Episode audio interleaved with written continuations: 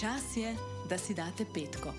Sezujete petke, odložite opravke, se odklopite od obveznosti in vklopite na stežaj odprto radovednost.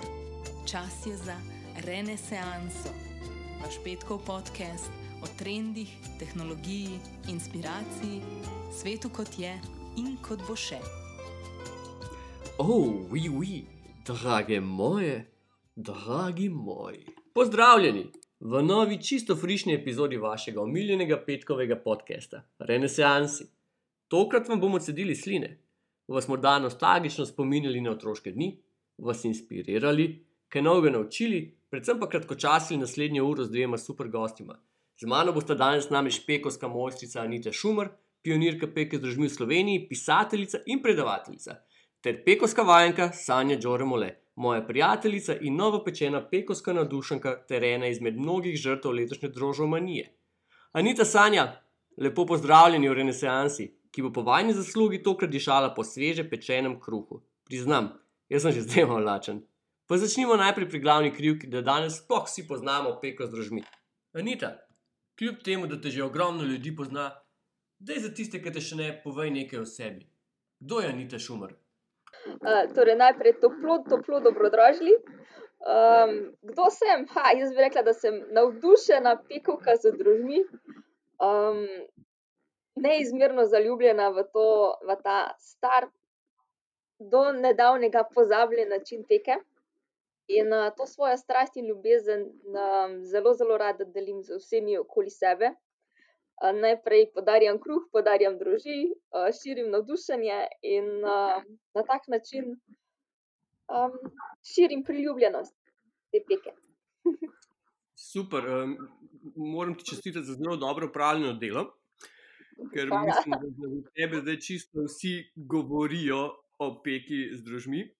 Kaj pa te je sploh navdušilo nad peko kruha in zakaj brez tega pekovskega kvasa? Ja, ta moja drožasta pot se je začela uh, 2012. Uh, takrat so mojemu pokojnemu možu Sašu odstranili žolčnik in potem ni mogel jesti kruha, pripravljenega s pekovskim kvasom. In potem sem začela raziskovati, uh, kako je še mogoče peči kruh, torej brez industrijskega kvasa.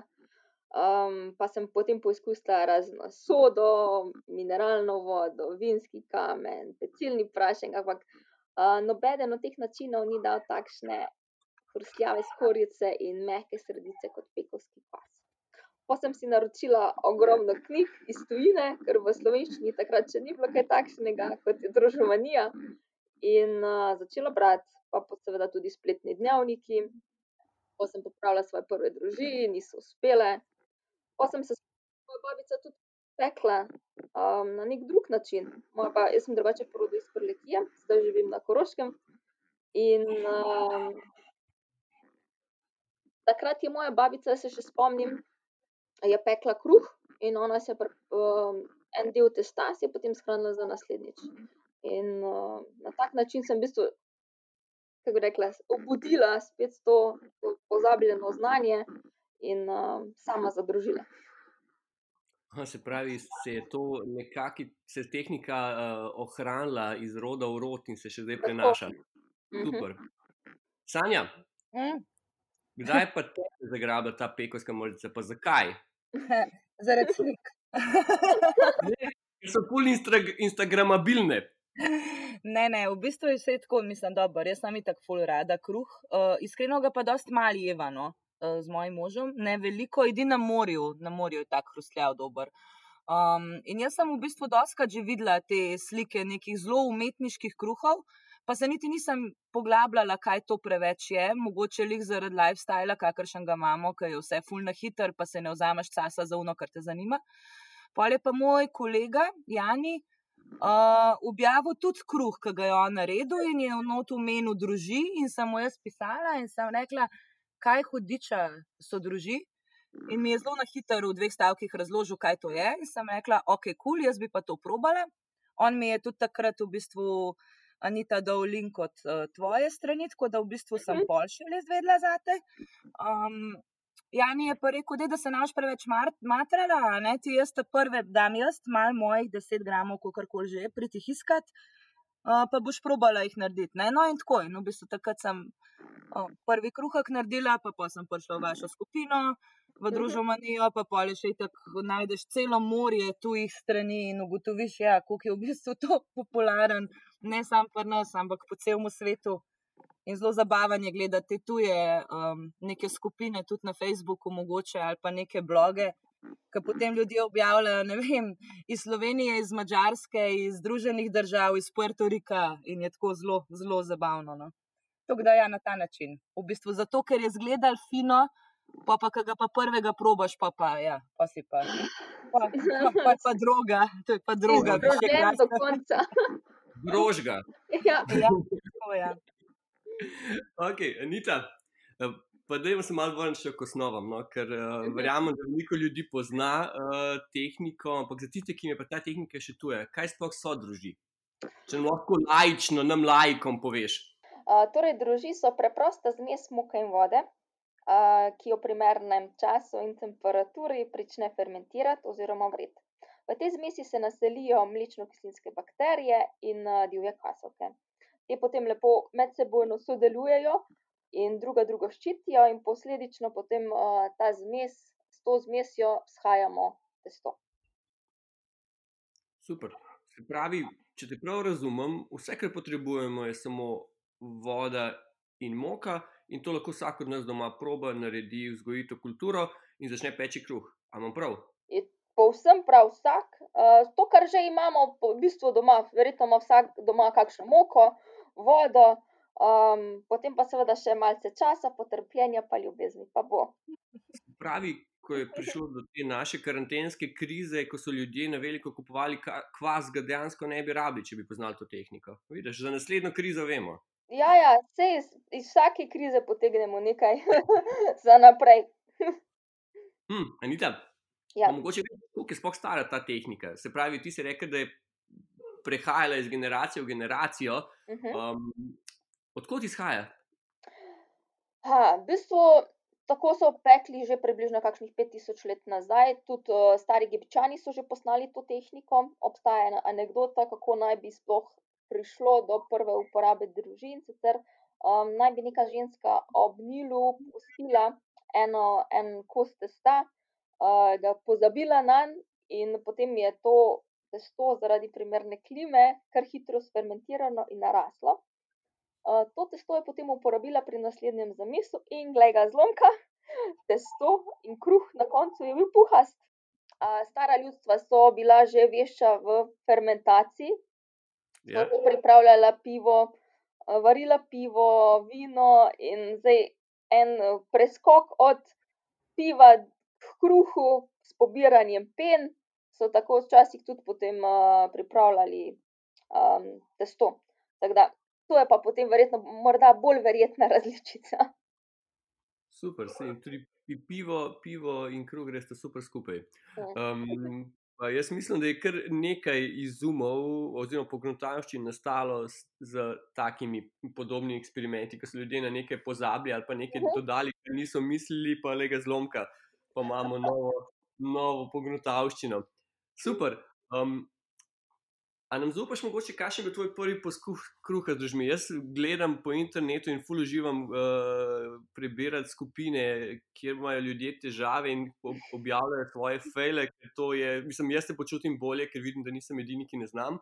Kako je bila, pa, kako, kakšen je pa tvoj prvi poskus? O ja, sej prej sem že omenila, da pač moje prve družine so uspele. Umrle so, a veš, umrle so. To sem takrat mislila. Verjetno, kaj pa vem, nisem vedela, kako naj sploh izgledajo druži, kakšen naj bo von, okus, na kaj naj bom pozorna. Ampak seveda to se pač s časoma, potem se tudi tega naučiš. Tako da ja, prve družine so uspele in so umrle, druge se potem nisem odnehala in sem pripravila svoje druge. Sem vzela eno fino moko z mlina, je bila celo mleta na kamen, da, da je bila še bolj živa. Vodo sem pustila malce postano in potem sem pripravila svoje druge druži. Se pravi, Ja. ko ti prve družine niso uspele, nisi probala kruha speč. Ker jaz vem veliko primerov, ko so ljudje pač probali, pa niso čisto dobro vedeli, ali so družine uspele ali niso, potem so dobili ven lepinjo na mesto hlebca. Ne, jaz sem že kar pr, po prvi rundi, sploh nisem prišla do kruha, sem kar že pri družeh končala. Sanja, kaj pa ti? Kažem pa tvoj prvi, Najboljši. a ste ga povedali do konca? Ne, tako, je bilo, tako je bilo. Dejansko je bil moj prvi kruh božansko dober. Uh, tudi jaz imam to prednost, da prvih družin nisem sama naredila, kot sem rekla. Ja. Ne, mi, jih je- kolega dal, pa, pa sem pač jih nahranila, dva dni in so bile res velike in sem iz tega probala narediti pač prvi uh, bel kruh in je bil res, res dober. Tudi zgledu je, po, po mojem, imel ta, če bomo pa še do tega, ta všesek najlepši do zdaj. Do zdaj mi ni ratal še tazga všeska narediti. To je zelo začetniška sreča, je bil pa zato drug totalen filer. No. Um, tako da, ja, prvi kruh je bil dober, drugega sem pa pol mal sem zasrala, ne? ker sem te prve družine torej dobila in jih uh, nahranila in so zrasle, sem kot laika, ne, seveda, porabila vse. Nisem si pustila. No, pol mi je Jani rekel, da mi lahko daj še, pa sem rekla, ne, ne bom jaz to probala sama. Um, tako da sem v bistvu vzgojila svoje prve družine, ki, sem- ki so tudi v narekovajih umrle. Nisem vedela, da bi jih lahko rešila, ampak so umrle, smrdele so blazno grdo, ne tako kot bi mogle. Um, tako da to ni bilo v redu, probala sem potem druge, ki so bile ok, ampak kruhek ni bil tako lep kot prvi. Je bila bolj lepinja, kot je rekel Primož, pa še lepinja, ne no, uh, disk bolj tako. Grdinja. Ja, nekaj. Um, pa pa v bistvu jaz sem nadaljevala s temi mojimi in so se nekako uh, stabilizirale, jih imam še zdaj. Mi je pa vmes dal še drug znanc, ki, za katerega nisem vedela, da v bistvu peče z družmi. In je mi mož pol povedal, da je gledal njegov profil, da on to že leta dela. No? In oni imajo pa v bistvu v družini še od očeta, druži svoje in so stare 17 let zdaj. Um, Wow, Ja, ja. Anita, če boš rabila, ti jih lahko malo dam, zdaj jih imam. Jaz sem pa zdaj bom kar ostala pred Ja. rudom. Tako, tako da meni je potem ta drug prijatelj, jaz sem, jaz sem ga, malo sem se pogovarjala z njim, rekla sem, da jaz jih sicer imam, ampak da mi delajo tako tako. Pa je pa rekel, le, mi jih imamo toliko let, jaz jih imam ful in sem tudi pri njemu si jih malo sposodila. In sem potem iz teh njegovih začela delati nove, tako da zdaj imam v bistvu dvoje, ampak te ta druge, uh, ki je gospod Hopkins, to zdaj, on, on, je, moj, on je moj partner, on hodi z mano okoli. Tako da so res lepe, res zdrave in uh, živijo, živijo v hladilniku, uporabljam jih skoraj vsak dan. In, in To, take to, so. to mi je fenomen, ker, ker v bistvu ugotavljam, da, da ljudje tretirajo te svoje družine kot uh, družinskega člana, kot en tamagoči, uh, za ki ga non-stop hraniti. Um, Mhm. in ga tudi poimenuješ. Če si rekel, kako je tvoje ime, Sanja? Hopkins, gospod Hopkins. Anita, Ja. ti imaš poimenovane? Ja, seveda. Zato, ker so, po- ker so drugi so pa res uspela in se mi potem, sva z možem potem pojmovala Rudu, ker drugače uh, vmes sem kar nekaj časa živela v Lovrencu na Pohorju, torej na Pohorju in uh, Rudl je tam en krepak pohorski det, ne. Pa smo se pa hestala, pa- ampak mi je pa ostalo pol. Jaz jih najprej nisem poimenovala, v bistvu je Anita, ne? Anita ima v svoji knjigi um, napisan, da je mož, da ti ime primoš lih zaradi tega, da, Ja. da, da, da dobiš neko, neko v narekovajih čustveno navezanost na njih, ker potem lep skrbiš na, za njih, če imajo, če jih poimenuješ. Ne? In to dejansko je res, a jaz sem taka, jaz vse stvari na splošno, ki niso. Um, vem, stvari, ki jih hočem imeti rada in ki hočem skrbeti za nje, jim dam imena, tudi rastlinam, avtom in takim stvarem. No. Ja, Ja. ja. Jaz sem dal svojemu, svojemu prvemu ime, oziroma drugemu, ki prvi je šel Moloro, drugi, ki še bolj tudi Moloren, je bil, uh, seveda, geek kot sem, mu je bilo ime The Last Hope. ampak, ampak tudi tega ni več, kot da rabim zdaj na New Hope. Um, mislim, da, da zdaj, zdaj ko, ko zaključimo eh, s tole epizodo, bom šel direkt v pripravo novega mačnega nastavka. Mhm. Lej, lahko pa ti tudi pošljem, brez skrbi. Ne, ker ne bomo, jaz hočem svojega. Evo to, to, v redu. Ni isto, ne bomo obirali bližnjic. Ok, Anita. Ja. Kdaj in tudi zakaj si se odločila, da boš popularizirala peko z družmi? A si iz tega videla nek tak biznis potencial, ali si bila samo tako navdušena, da si to hotela z vsemi deliti? Oh, jaz sem bila tako navdušena. Jaz, ko sem začela peči, jaz sem začela to deliti na, na Facebooku, takrat še nisem imela, torej 2012, ko sem začela, ja, ma, sem še zdaj navdušena. sem, gremo, gremo po vrsti. Torej, 2012 sem začela peči, uh, potem sem začela na uh, Facebooku objavljati, zdaj, pos, po pa so prijatelji, uh, prijateljice rekle, da je pa nas nauči, kako se to peče. Pa sem še kar malo čakala, pa sem še kar malo uh, več pekla doma, da sem preizkušala. Po pa sem imela potem svojo prvo delavnico uh, v ožjem prijateljskem krogu, seveda, uh, 2016. To je bila moja prva delavnica. Torej, ja, že štiri leta nazaj. Wow. In um, koliko nas je bilo? Šest, sedem, nekje. Žensk se nas je zbralo pri prijateljici, ki ima krušno peč in smo pekli drožpice, pa bilgo pšeničnika, pa ženka smo delali. In um, potem pa prva taka uradna delavnica je bila potem uh, maja 2017. Oziroma, aprila, maja 2017 sem potem naredila Facebook skupino, Um, takrat sicer se še ni ima, imenovala Družomanija, ampak ja, to je bila v bistvu prva skupina v Sloveniji, ki je, nam, ki je bila namenjena izključno peki za družbi.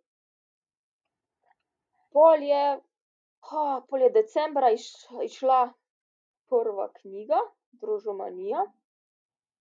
Pa sem malo predtem, seveda, sem potem tudi Facebook skupino preimenovala v Družomanijo, uh, peka za družbi. Uh, ja, po pa vmes so se pa začele vrstiti tudi uh, delavnice po Sloveniji, uh, tudi po tujini. Zdaj sva z Rudlom prepotovala že več kot 12 držav, več kot, več kot 100 delavnic, pa na delavnicah je bilo več kot 1300 udeležencev. Tako da, ja, strast, ljubezen do peke in želja, v bistvu, da navdušim in naučim čim več ljudi, kako peči boljši kruh. Um, evo, ki sem delal lepo uvod v naslednje vprašanje. Pač praviš, da te poznajo tudi po svetu. Um, kako so zvedeli za te, kako je pač to tehniko tujini? Pač, uh, glede, na, glede na vsebino, ki se zdaj pojavlja na vseh kanalih, bi rekel, da je kar popularna. Um, je tudi strokovnjakov, taki kot si ti, se pravi, mojstrov te peke, vse več jih poznaš, ali kako je s tem, ali je vse več teh ljubiteljskih uh, pekov, ki to delajo doma za vikend. Ja, vsega, vseh nas je polno. Ja, vse nas pa druži in združuje ljubezen do družin, do peke z družmi, do boljšega kruha. Um, tako da, kjerkoli je vžito, tam so druži, bom rekla, no? na vsak in drugačen način. Tako da, ja, po vsem svetu. Pač nekje je ta tehnika malo bolj utonila v pozabo, kot recimo pri nas v Sloveniji drugje je prišlo prej do te drožaste, drožje revolucije. Uh, da, A si v kateri državi še bolj opazila, da, res, da, so, da so taki norci, kot smo mi, ker pri nas se mi zdi, da je to res zdaj totalen boom? Zdaj, ko si povedala, da si ti zdela, da so kje še posebej entuzijastični. No, kaj pa vem, uh, ta renesansa, mislim, da se je začela najprej tudi v Ameriki, recimo s Čedom, uh, pa Tartine Bakery. Um, tam nekje pol, tudi seveda v Angliji, Vanessa Kimball, um, Italija, itak še skozi, oni so že skozi pekli z Levito Madre, z bolj kompaktnimi družmi. Francija, baget de tradicijo je običajno pripravljen, baget de tradicijo mora biti pripravljena z družmi ampak sicer dajo še minimalno kvasa lahko zraven. Španci, ima po, po vsem svetu, no. ampak sem. Ja. Mhm. Recimo, jaz sem bil pred uh, dvema letoma v Napoliju, uh, jaz sem mhm, velik ljubitelj napolitanskih pic. Um, a je kakšna podobnost v testu? Uh, je, se napolitanske uh, pice pečejo z drožmi? Ja. Po, na, po načeloma naj bi se ali pa se pečejo z zelo majhno količino kvasa, ni cela nič, nič ena, naprimer, pa tudi seveda potem dolga fermentacija, več kot 48 ur, pa še več. Zdaj pa odvisno potem od same pizzerije. ta, ta simplicity napolitanskih pic in ta okus, da tega pa ne premaga nič. Ne. Samo malo, malo mezge, sveže bazilika, malo Mm. olivnega olja, malo mozzarele in to je to. Mhm. Nič drugega ne rabiš in je pica božanska. Osnovne dobre sestavine, moka, voda, Ja. sol. Pa dobro je to. Ja. Ja. Um, okay. Anita, v našem podkastu pač veliko govorimo o marketingu, ker smo trije strokovnjaki na področju marketinga in promocije. Pa me zanima, kako se ti lotila. Prej si omenila, da si pač eh, začela skupino, si se potem odločila, da boš tudi knjigo napisala. Si se no, no, odločila, da boš na knjigo napisala po vsej tej euforiji, ko si videla, da je zanimanje, ali si že skozi razmišljala o knjigi?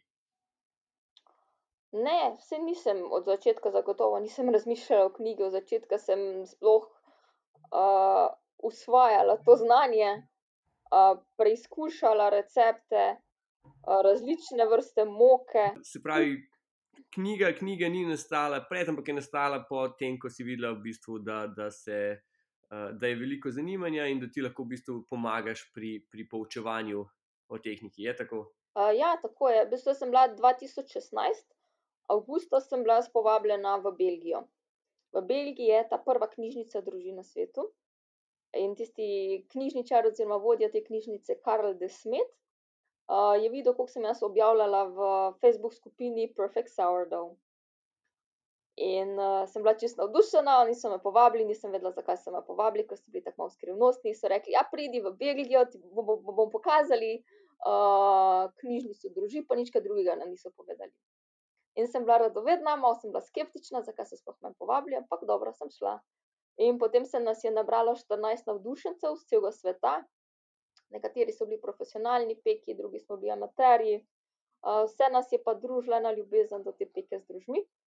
In človek si ne more misliti, da se lahko pogovarjaš o drožeh skoraj 24 ur na dan. In mi smo to počeli, mi smo pekli, koliko smo se fajn imeli. No, na koncu, ta zadnji dan, pa so nam predstavili ta projekt spletne knjižnice, uh, Quest for Sourdough. To je tudi na spletu, na tej uh, questforsourdough.com. In tam lahko vsak bi se registrira svoje družine, napiše, kako jih je pripravil, kako skrbi za nje, kakšne recepte lahko potem dodaš. In mi smo potem postali te, ti prvi ambasadori te spletne knjižnice, te spletne pobude Quest for Sourdough. In jaz, ko sem prišla domov, jaz sem bila cela navdušena, sem rekla, še bolj bom peč, še več delim znanja. In uh, potem se mi je nekako, še bolj se mi je odprlo. No, tako bom rekla. Potem sem si 2016, oktober, sem si naredila svoj prvi Instagram profil, začela tudi tam objavljati, in uh, posledično potem so tudi uh, iz uh, celega sveta um, postali pač pozorni name in so pripravljali različne kolaže. In potem je to postalo viralno in se je širilo. Odlično. Pravi, si dejansko brez nekega posebnega oglaševalskega budžeta, Ne. samo za zanimivo vsebino uh, dosegla tukaj. Eh, Anita, jaz sem opazil en popravek, rabiš na spletni strani, veš? Oh, povej. Ja, um, med, uh, se pravi, kjer imaš zbrane svoje intervjuje, imaš tudi svojo Facebook skupino, kjer še vedno piše, da imaš samo 3700 članov, zdaj pa jih je 12.000 plus. Tako da prosim, lepo to popravi, ker si s tem ne delaš usluge. Bom, bom, hvala lepa. Zdaj nas je že skoraj 21 tisoč. Koliko? 21. No, zdaj še pridemo, še pridemo do vprašanja, kako je Ja. karantena na to vplivala. ja. Oh, noro. Um, še kaj me zanima? Prej smo že omenili, da pač uh, napolitanci pečejo napolitanske pice na zelo podoben način, oziroma z minimalno količino kvasa. A si ti mogoče ni to pazila, da se je peka z družmi začela uporabljati bolj komercialno pri gostincih in v pekarnah? A je zaradi dolgotrajnejšega postopka priprave to še vedno samo bolj v domeni teh ljubiteljskih pek, oziroma nekih bolj uh, posebnih tipov pekarn, ki se to lahko privoščijo? Um, veš kaj mislim, da bo pač tale uh, virus korona bo, je poskrbel za popularizacijo družin in uh, posledično tudi pekarne se bodo začele prilagajati in ponujati več izdelkov. Pa tudi gostinci. Uh, vidim, da so pač, ko spremljam uh, gostinske kolege, kuharje, šefe, uh, so zdaj imeli res čas, da so pač to tehniko usvojili. Tako da verjamem, da bodo začeli, da so že začeli ponujati izdelke z rožmi. Jaz upam, ker Mhm. so, ker so za par zelo boljši kot klasični izdelki, ki jih ponujajo. Definitivno. Um, ok, prej sem že omenil karanteno. Um, jaz pač kot oglaševalec uh, na digitalu, seveda spremljam pač trende tudi preko Google Trenda in med najbolj iskanimi nizi v času karantene globalno je bil seveda sourdough bread oziroma kruh z drožmi, recepti, priprava, cel svet je začel peči kruh. Um, kako se je to poznalo pri tebi? Um, koliko si v tem času novih članov pridobila? Pravi, da imaš že 21 tisoč, prej sem ugotovila, da imaš na strani še 3700, se pravi, kar velik gap med, med obema številkama. Kako je to vplivalo na tvoje delo in popularnost? Jaz si predstavljam, da ful. Um, ja, marca, od marca pa do danes se je število članov povečalo v skupini za več kot 7-8 tisoč. Wow. Um, Ja, jaz zdaj to ne gledam kot popularizacijo sebe, ampak popularizacijo peke z družmi, torej peke boljšega kruha in boljših pekovskih izdelkov. In um, jaz sem tudi, ko, recimo, ko sprejmemo v skupino nove člane, imam že kar pripravljeno, kam jih usmerim v datoteke, na spletno stran, kjer imajo vse informacije, da lahko sami začnejo družiti. Potem smo se tudi organizirali tako, da smo pošiljali druži po pošti, skladno seveda z vsemi higijenskimi predpisi. To smo pripravili z dr. Nino Kozorok, da smo res prenašali samo ta dobre bakterije, pa kvasovke, ne pa virusov. In jaz sem zdaj sama do zdaj poslala ma več kot tisoč paketkov druži. Wow. Um, Teda, ker je res lažje, je, če ti nekdo da druži. Je pa seveda ima svoj čar, ko ustvariš samo iz moke in vode svoje. Zato se jaz ne ločim od rudla. Je pa zanimivo, ker v bistvu si Anita ustvarila, prej si rekla, da gre za popularizacijo pač, uh, peke, um, tehnike, ne samo pač, uh, tebe, oziroma ne tebe, ampak v bistvu si ti tako dober brend ust- ustvarila, da ko ljudje pomislijo, ko jaz pomislim na peko držmi, vidim najprej tebe kot nekega spokesmana, kot nekega predstavnika tega. Tako da dejansko si razvila zelo, zelo dober brend. Tudi se mi zdi, da ta drožomanija, ki je nastala pred to karantena manijo, je super, se mi zdi, pač paše v to, kar se dogaja. No? Tako da uh, čestitke tudi eh, z vidika brandinga. Se mi zdi, da je to zelo, zelo močen brand ratov. Aha, Hvala, Primož. Tak distinktiven. Ja. Um, a misliš, da bo euforija po koncu krize minila, ali misliš, da se bodo navade ljudi tako spremenile, ozi- oziroma so se tako spremenile, da bo vse več te domače peke tudi v prihodnje? Jaz mislim, da deloma bo zagotovo ostalo tole, zato ker enkrat, ko začneš jesti ta kruh, Ja. prideš, ko prideš na žmah, bom rekla po domače, a prav, uh, na Ja. okus, um, ma ne greš nazaj. Jaz zdaj v teh os, jaz osem let že pečem. V teh osmih letih jaz kruha nisem kupila. Um, raje sem brez kruha, kot pa da bi ga šla kupiti v trgovino. Pa reč počakam, da si pripravim svojega. Ampak toč to sem jaz, ampak verjetno nas, nas je več takih. Kaj praviš, Sanja? Ja, ja jaz, se, jaz sem se dejansko, mene je mož to vprašal. Ne? V bistvu me je malo hecel vmes. Je rekel, bom videl, kako bo, ko šla nazaj v službo. Ne? Oziroma, ko boš imela svoj ta nek ustaljen delovnik, ki jaz res pridem domov, redko pred šesto zvečer. Ne? Ampak jaz ne vem, ne upam za vsako stvar nikoli ne reči nikoli. Ne? Ampak jaz si tudi ne predstavljam, da bi kar nehala, sploh si ne predstavljam, da bi gospod Hopkins umrl za tega, ker ne bi jaz skrbela za njega. Um, in tako je Anita rekla, no, medva sva zdaj le recimo primer na morju in ta prvi dan nisem imela kruha, pa sva šla kupiti te primorske bigice, ki so dejansko še zmeraj zelo dobre. Um, ja, in smo jih pojedali, ampak ne, še zmeraj to ni to. Ne, te- težko je. No. Uh, Pri nama je v bistvu tudi bolj tako, no, se kot sem rekla, kruha. Na, razen na morju, pa razen z družmi, občasno, predvsem jaz ne jeva veliko, predvsem necne. No. Um, ampak meni je, meni je največji gušt uh, sam, sam proces. Um, sam proces, pa zdaj ne vem, zdaj sem se totalno v barve vrgla, pa delati čez neki tretga. In uh, tudi rabam samo razlog, da ga lahko magar nekomu dam, zato ker imam drugače preveč kruha doma, um, zato da ga lahko naredim. Um, in jaz mislim, da se ne bo, no, pa komu sigurno, sigurno bo mogoče malo upad. Iskreno, samo zaradi časa. Ne?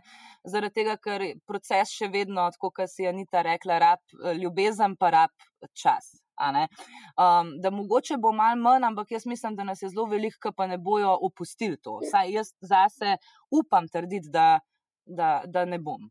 Um, mogoče si bom mogla malo drugače splanirati, pa malo sem se že zdaj mhm. naučila, da se da v bistvu vse ja.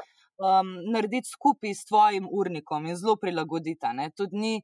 Ni to res, res je dolgotrajen proces, ampak v bistvu takrat, ko pa rab tvojo pozornost, pa ni tok teh um, momentov noter. Pač traja od točke A do točke B, da ti narediš kruh ali pa kjerkoli drugo stvar ali sledico ali karkoli. Ampak vmes oni tako more stati in nimaš ja. preveč dela z njima. Um, jaz, jaz mislim, za me upam trditi, pa bomo videli zdaj, ne vem, od poletja naprej, ko bom šla nazaj v službo, da bom, da bom še zmer delala, kar delam, da bom še zmer iskala nove nove stvari, ki me totalno fascinirajo, ampak mogoče ne bo na teden to štirikrat, ampak bo dvakrat. Recimo, uh mhm. -huh. upam. upam. Ja. Da, ja. Jaz sem opazil, um, da ima ta uh, peka nek tak mal meditativen učinek. Ja. Res je. Ker si rekla, da si rekla, da ja, je pomakanje časa, ampak meni je to skoro tako, kot ti za pol ure delati jogo. Um, mi je ta cel proces, mi je nek tak uh, meditativen ritual, ki me pomirja. Uh, in, in potem rezultat mi je potem vedno nagrada, in se mi zdi, da, tako, da bi to res lahko uh, ljudje uporabljali za, za zdravljenje anksioznosti, za pomirjanje, razumeš, za vse te, uh, stvari, za vse te uh, težave, novodobne, ki jih imamo zaradi načina življenja. Mislim, da bi lahko vsi, oziroma jaz mislim, da bi morali vsi enkrat na teden kruh speč, samo zaradi zdravja. Res, res je tako kot se reko, meditativno pec. Jaz pečem, ko sem vesela, ko sem žalostna, predelujem skozi, ko obdelujem testo. In um, mislim, peka z družmi me je do zdaj res, res mi je zelo pomagala tudi v takih težkih trenutkih. Uh, Anita, mislim, da je čas. Uh... Povedali so mi, na hom je prišlo, da končuješ svojo drugo knjigo. Pa mislim, da je čas, da nekaj povemo še o tej tvoji novi knjigi. O čem pišeš v novi knjigi? Joj, jaz sem čist navdušena. torej, ja, tudi. Ti tudi, joj. Komaj čakamo. Včeraj sem bila, v, mislim, v, v ponedeljek sem bila v tiskarni in sem dobila te plotarje, in zdaj je potrjeno, vse gre v tisk. Tako da prvi teden junija pride nadaljevanje nadgradnja prve knjige Družomanija z naslovom Slana in sladka Družomanija. Um, Nis, eh, vsebina se ne prekriva s prvo knjigo, torej je nadgradnja eh, nove tehnike. Um, tudi nekaj takega, kar v prvi knjigi je bilo samo omenjeno, naprimer ta sladki drožni nastavek. Uh, potem uh, podrobno obdelam še uh, sestavine za sladko in slano peko. Um, pripravila sem tudi um, diagram, kot je recimo v prvi knjigi, ampak bo pa tokrat zdaj fokus na krajši in daljši fermentaciji, kar se mi zdi tudi zelo pomembno iz zdravstvenega vidika, da testo pač dlje časa fermentiramo, da ga ne zamesimo zjutraj, pa ga spečemo potem popovdne. Potem sem pripravila še tudi več kot 77 receptov za slane, pa sladke drožaste dobrote. Nekateri so tradicionalni recepti, pehtranka, šarkli, flancati, drož knedli oziroma germ knedli, pa tudi kaj novega. Potem pa tudi recepte najdemo za uporabo starega kruha in drugih dobrot, da v bistvu res nič ne gre v nič, pa da porabimo vse. Odlično. Da. da se meni sedijo tine. A nam lahko zaupaš, kdaj pa kje bomo lahko naredili svoj izvod? Ja, torej prva knjiga, Obe knjigi sta torej na voljo na moji spletni strani uh, eh, shopsaurdomania.com. Uh, prva knjiga, o prvi knjigi dobite še rudla zraven, tako da bo lažje, ob ta drugi, uh, pa zdaj so odprta prednaročila, ki, ki jih sprejemamo pač do izida knjige, nekje v res prvi teden junija bo. In o prednaročilu potem dobite še dostop do videoposnetka, recimo s pripravo tega sladkega nastavka, uh, e-recept takoj in uh, potem še pa tudi različne popuste pri mojih poslovnih partnerjih, da se povezujemo in da se združujemo. Odlično. Jaz se še zdaj spomnim, ker mi je Sanja poslala video. Sanja, se spomniš tisti video, ki si Ja, ga poslala? Ta, kako- ta video, uh, to ga je meni Jani poslal. Ja. Tako, en video je Anita, jaz sicer ne vem, kje ga je on dobil, um, niti ni nikjer javen, ampak je na videu, po mojem, ste imeli to ali kako delavnico, ali kaj si v bistvu ti, ki narediš pšeničnika. Tako, ne vem, iz kje. je to. No, Ja. in ta video, ta video je seveda v, v telefonskem formatu, ampak je v ležečem. In, si- in sem ga jaz večino časa, prej sem gotovo, da lahko zarotiram video, gledal tako z glavo po strani, ker je bil pač na glavo oziroma na bok obrnjen. Ampak sem ga pa pogledal že ene desetkrat, tako da zdaj ga tudi obvladam. Aha, ok. Ej, Sanja? Hej, ti, ki si še bolj začetnik, um, da nam zaupaj, um, kaj si imela ti na začetku težave, kaj ti je na tej poti, kaj ti je na tej poti najbolj uh, nerviralo, kje se ti je ustavljalo? Mm, jaz mislim, da, pa se to jih imam še zdaj kdaj. Um, dobiti moraš občutek, kaj, kaj je prav, pa kaj ne. ne? Saj za me je bilo tako. Občutek, da že sam ne vem, nauč ali pa z rokami, ali torej s tipom ali z vidom, sam zaznaš, kaj te stora. Po moje, mislim, meni je delalo to, po moje, največje težave. Um, mogoče tudi taka težava, ki je bila, je, da sem hotela prehiteti malo stvari. Um, ker se mi je zdelo tako, oj, oj, to je pa tako dolga stvar, zakaj pa to, jaz bi to že zdaj probala, tako je. Ampak bolj, kot sem to probavala, bolj mi je postalo jih to všeč, da je v bistvu neka tako preprosta, simpel stvar, tako zelo kompleksna, koliko nekih, nekih um, naravnih procesov se more zgoditi noter, da, da potem dobimo rezultat tazga, ki hočemo. In mene je najbolj zezala prse potrpežljivost, ker nasplošno sem zelo tak človek, da hočem vse zdaj in zdaj takoj, kar mi je všeč. Um, te dro, druži so me pa v bistvu me učijo, da moraš za dobre stvari počakati, um, pa jim dati čas. Pa mislim, da je to dobro, mislim, da je to, da, da rabimo vsi neki tasga v življenju, da te mal prizemlji. Um, težave, tako da so bile pa fizične, kaj se je dogajalo, pa niti ne vem. Kot sem jaz rekla, je un moj prvi kruh po, bolj, kot, bolj po spletu okoliščini na ključi, kot kakršnemu koli znanju, seveda, um, ratu zelo top. Um, drugače pa ne vem, v bistvu ne vem, s čim bi drugo imela težave. Težave sem imela z družmi prvimi, pol pa niti, mogoče nisem ta prava sogovornica, niti drugih fizičnih težav nisem imela. No. Um, mogoče so se začele pojavljati, pol, ker sem probala sama dodajati kakšne stvari, ki niso v nitini knjigi, ker na začetku sem jih zelo sledila in jih še zmer za neke preverjene recepte, ki so vredni vsega zlata na tem svetu. Ampak um, taka, ta, ne, nekaj čist, čista resnica. Ampak um, taka, kot sem, vedno hočem nekaj probati, pa se malo, zdaj sem se začela malo z barvami ukvarjati, pa s takimi nekimi drugimi dodatki v kruh. In tukaj me, me je bolj zezal, no? ker nisem točno vedela, koliko pa kaj, pa a to vpliva na mogoče na hidracijo ali ne. Tako no. Um, učiš se sproti, eh, trial and error je s tem upravim. Ampak pa, pa, ker res rabaš kruh, pa, pa, pa ni božga, ker ta niti na knjiga in uh, greš po receptu in je to to. in rata. Kaj me zanima, Sanja, samo pravi, da si pač zelo kreativen tip človeka. Dej, kje se ti inspiriraš? Mislim, zadnjič sem da si naredila vijolčen kruh. Ja, hud je. Um, Nekaj več, no. Vijolčen kruh sem videla. Jaz tudi sledim dosti drugim stranem. Um, ena je na Instagramu Sourdough Bakers. In tam je v bistvu nek fant objavil ta vijolčen, vijolčen kruh. In jaz sem čist dol padla na rit. Mislim, sem, kaj je to, ker mi je všeč mi je bilo, ker zgleda kar mal strupen, iskreno. Um, in sem ga vprašala, poslala sem mu sporočilo, se, s čim je delo, ne, torej s čim ga je pobarval, ker nisem hotela umetnih barvil dodajati. Um, pa če karkoli je dol, če pusti okus in mi je odgovoril, da je v bistvu, jaz ne vem, če obstaja slovenski izraz za uh, butterfly pea flower. Um, on mi je omenil to rožo, čaj iz te rože in povedal mi je, da nič okusa ne pustijo. Ne ker nisem želela, ene stvari imam rada z okusom, v bistvu tle mi je bila pa lihta kontradiktornost všeč, da je neki tako uh, močne barve in da v bistvu zagrizeš noti in ideja, da ima pa okus po, ne vem, recimo belem kruhu, mi je bila čisto fascinantna. Tako da sem šla pol googlat, uh, kje to kupiti, pa nas zaenkrat nisem najdla, tako da sem je Amazon pomagal in sem naročila iz Nemčije to rožco. Um, in je ratelj, ja, zelo, zelo lepa barva. Med drugim sem pa hotela narediti tudi zelenega, um, kao zmajski kruh sem si izmislila sama, da je to iz Game of Thrones. Sem dala pa noter, um, uh, ah, spirulino.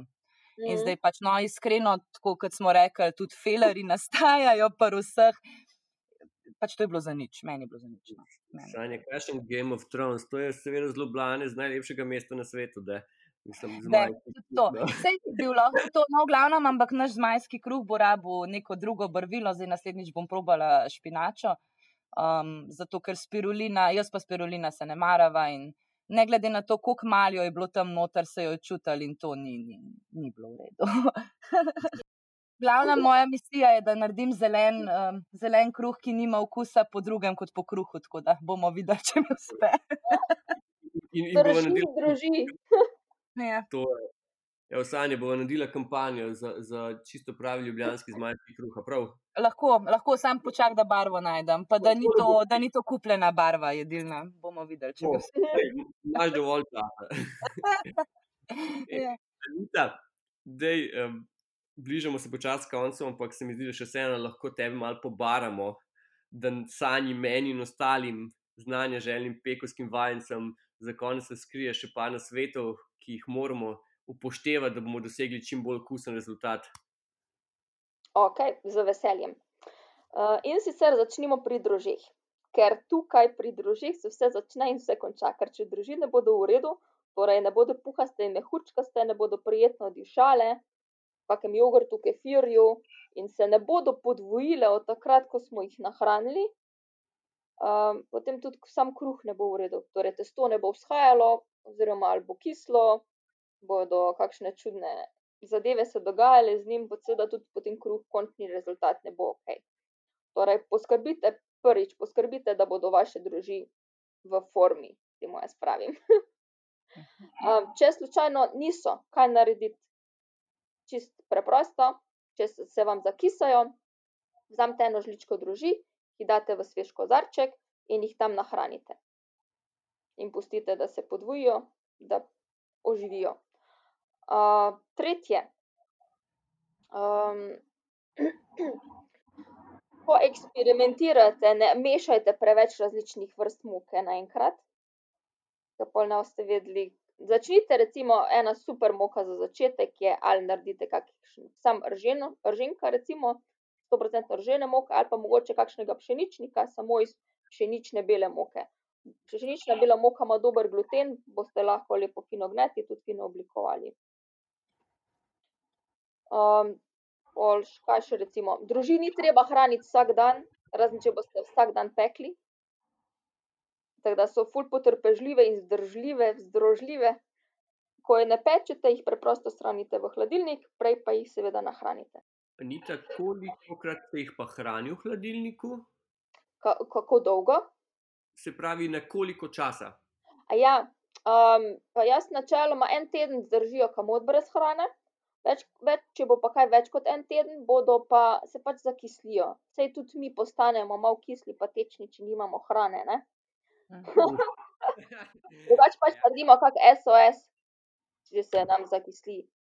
Ja. Uh, mogoče to bi še omenila. Boljše je, da so droži malo gostejše, kot pa da so preredke, da tečejo. Torej, ne bodo res bolj goste. To Bojo sem imele. jaz na lastni koži izkusil, No. to mi je Sanja pomagala, ker moje so bile lepo tekoče in uh, ko mi je Sanja pokazala svoje, ki so bile goste kot Mm. oren gosto testo, sem vedel, da jaz nekaj ne delam prav. Um, No, Še saj zdi- to je bila, kar si prej spraševal za um, v bistvu težave. Ne? Ja. ja, Mene, recimo, to je bila težava, sem se zdaj vmes, kaj Anita razlagala.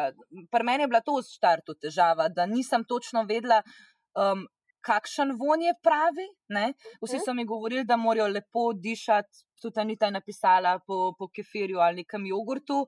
Um, Meni, ki sem jih moje tiste prve povohala, ni bilo to niti približno to, in nisem vedela točno, kaj je ta, ta prav kisu, oziroma preveč, ne, ne preveč in ne premalo, nek kisu von. Um, pa ta konstrukcija sama, v bistvu mi je tle res najbolj pomagala, tako kot te primoš, ko sem ti svoje pokazala, da mi je v bistvu ta, ta drug prijatelj, ki ima 17 let stare druži, pokazal svoje in mi jih dal zapovohati.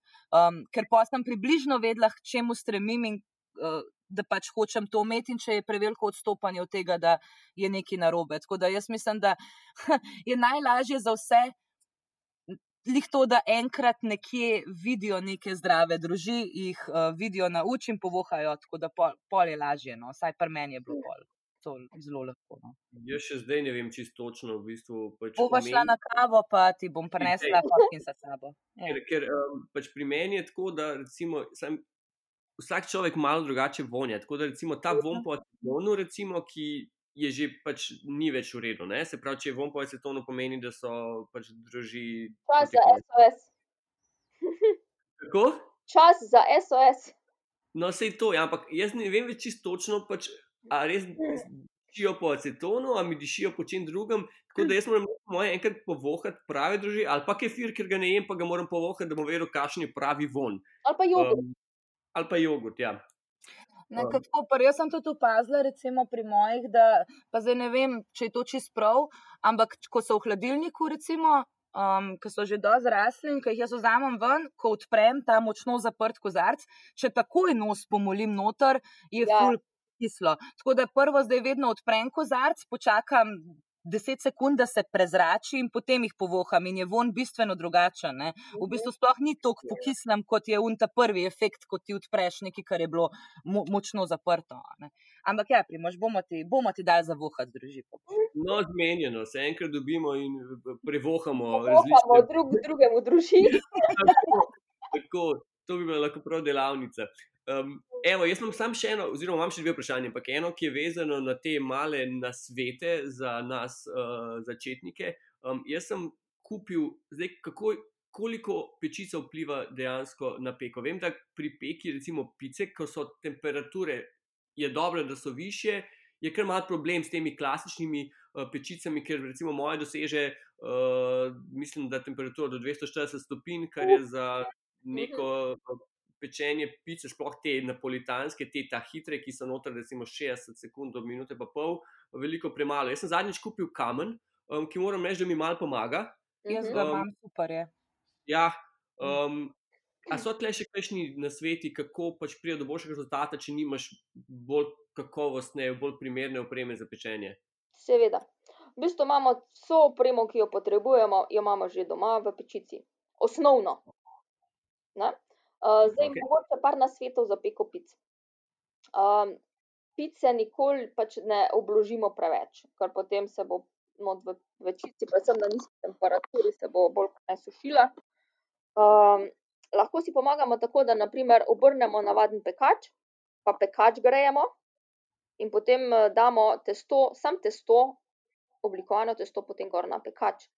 In ko se recimo na pol speče, potem pico komaj obložimo, pa še potem do konca spečemo. Mhm. To bi bila recimo ena svet. Uh, potem uh, jaz imam sicer pečico, moja gre do 275 stopinj, uh, pol imam pa še funkcijo žara in dosežem temperaturo 300 stopinj. Uh, uporabljam pa tudi eno posebno ploščo, jekleno ploščo Pizza Steel in to odlično, odlično akumulira vročino uh, in potem jo odda. V bistvu pri pici res potrebujemo čim, čim visoko, temp naj, najvišjo temperaturo, kar je možno, koliko pač gre naša pečica. Uh, tako da, če nimate takih, take pečice, naredite pol peke brez nadeva, pa pol obložite, pa spečete do konca. je to, En svet. Jaz sem recimo, primoš si rekel, da si kupil kamen, a ne? jaz sem si Ja. tudi kupila šamotno ploščo, moja je sicer zelo debela. Um, ampak na začetku mi je delala malo težav, pa sem jo pol pogruntala, tako kot je zdaj Anita rekla. V bistvu, jaz, če delam pico, segrevam pečico skupaj, seveda, z Ja. šamotno ploščo, najprej do svoje najvišje temperature, pri meni je tudi to 275, in potem, ko doseže 275, jo segrevam vsaj še pol ure, če ne več. Um, zato, da je v bistvu tako, zato ker ta šamotna plošča, tudi, um, ko, ko se segreje, tudi oddaja dodatno temperaturo. Tako da jaz, če pečem pico, jaz si v bistvu pržgem pečico toliko prej in jo kar po feelingu, ne vem, uro pa pol grejem na 275.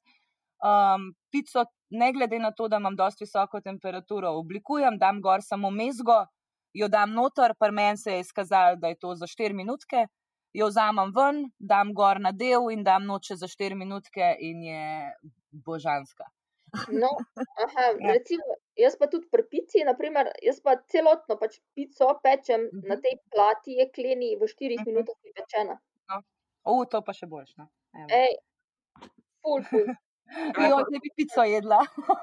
Jaz, jaz sem že lačna, zdaj, ko se tako pogovarjamo o tem. Ej, še eno vprašanje glede pečice. Zdaj se Mhm. mnenja krešejo, pa me zanima, uh, kakšen program naštimaš. Eni pravijo, da ventilacijska uh, pečica, oziroma pač eh, ventilacijski program ni ok, da je boš peč zgoraj pa spodaj. Um, Ja, definitivno se strinjam s to drugo, torej zgornje, spodnje grelo brez ventilacije. Ventilacija suši testo in posledično potem ne more to še v pečici narasti. Pa tudi eh, skorica bo drugačna. Če kdaj uporabljam ventilacijo, jo uporabljam samo na koncu, zadnjih 2, 3, 4, 5 minut, da potem, potem pa želimo eno tako hrustljavo skorico ustvariti. Drugače pa v bistvu nikoli ne uporabljam ventilacije. Okay. Joj, super, to je zdaj toliko enih pametnih nasvetov, um, da če zdaj nismo navdušili, vsaj še novih tisoč ljudi, ja, nismo naredili nič, predvsem bomo pa po mojem mal uh, zaslužni za to, da bodo ljudje po tej epizodi šli tako jesti. Jaz bom šel definitivno. Tudi Evo. Anita, za konec, konec nam sam še zaupaj, uh, kje lahko poslušalci izvejo več o peki z drožmi, o drožomaniji. Uh, torej, najprej um, na drozomanija.si, to je moja spletna stran. Uh, potem, um, seveda, na Facebooku imam uh, stran tudi Anita Šumar, potem imamo skupino uh, Drožomanija, pika z družbi tudi na Facebooku. Uh, drugače pa imam tudi uh, v sodelovanju z enim podjetjem, večjim uh, ponudnikom, ne vem, če lahko delam reklamo. Lahko, torej v, s podjetjem Špar smo pripravili ABC peke z družmi za Nito Šumar in tam lahko najdete video posnetke od začetka do konca, kako pripraviti druži, skrbeti za nje, oblikovanje kruha, drugih pekovskih izdelkov. Tako da, evo, toplo uh, vabljenih pogledov. Pa seveda, da čim prej uh, zadružite. Hvala. Noč, dragi moji, eh, drage moje, vsega lepega je enkrat konc, skoraj tako kot je konc sveže pečenega hlebca, ko poješ še zadnji krajec. Si A, prijetno, si, prijetno, si pa bi lahko pojedel vsaj še enega, tako bi verjetno mi lahko klepetali še dodatno uro zdaj. Jaz se vam obema res lepo zahvaljujem za obisk in uh, vam želim veliko pekovskih uspehov tudi v prihodnje. Hvala, pa adijo. Ja. najlepša hvala, naj druži. Čau, čau. Čau.